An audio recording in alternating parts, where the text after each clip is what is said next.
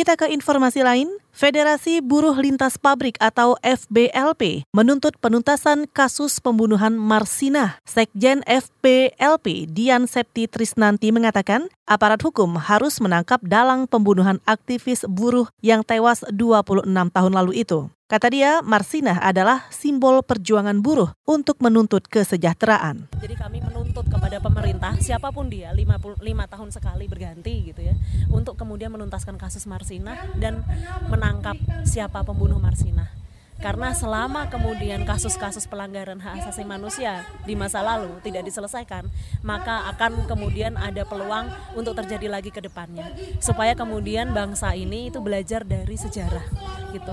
Jadi bangsa Indonesia itu harus berani menghadapi masa lalu, menuntaskan pelanggaran hak asasi manusia.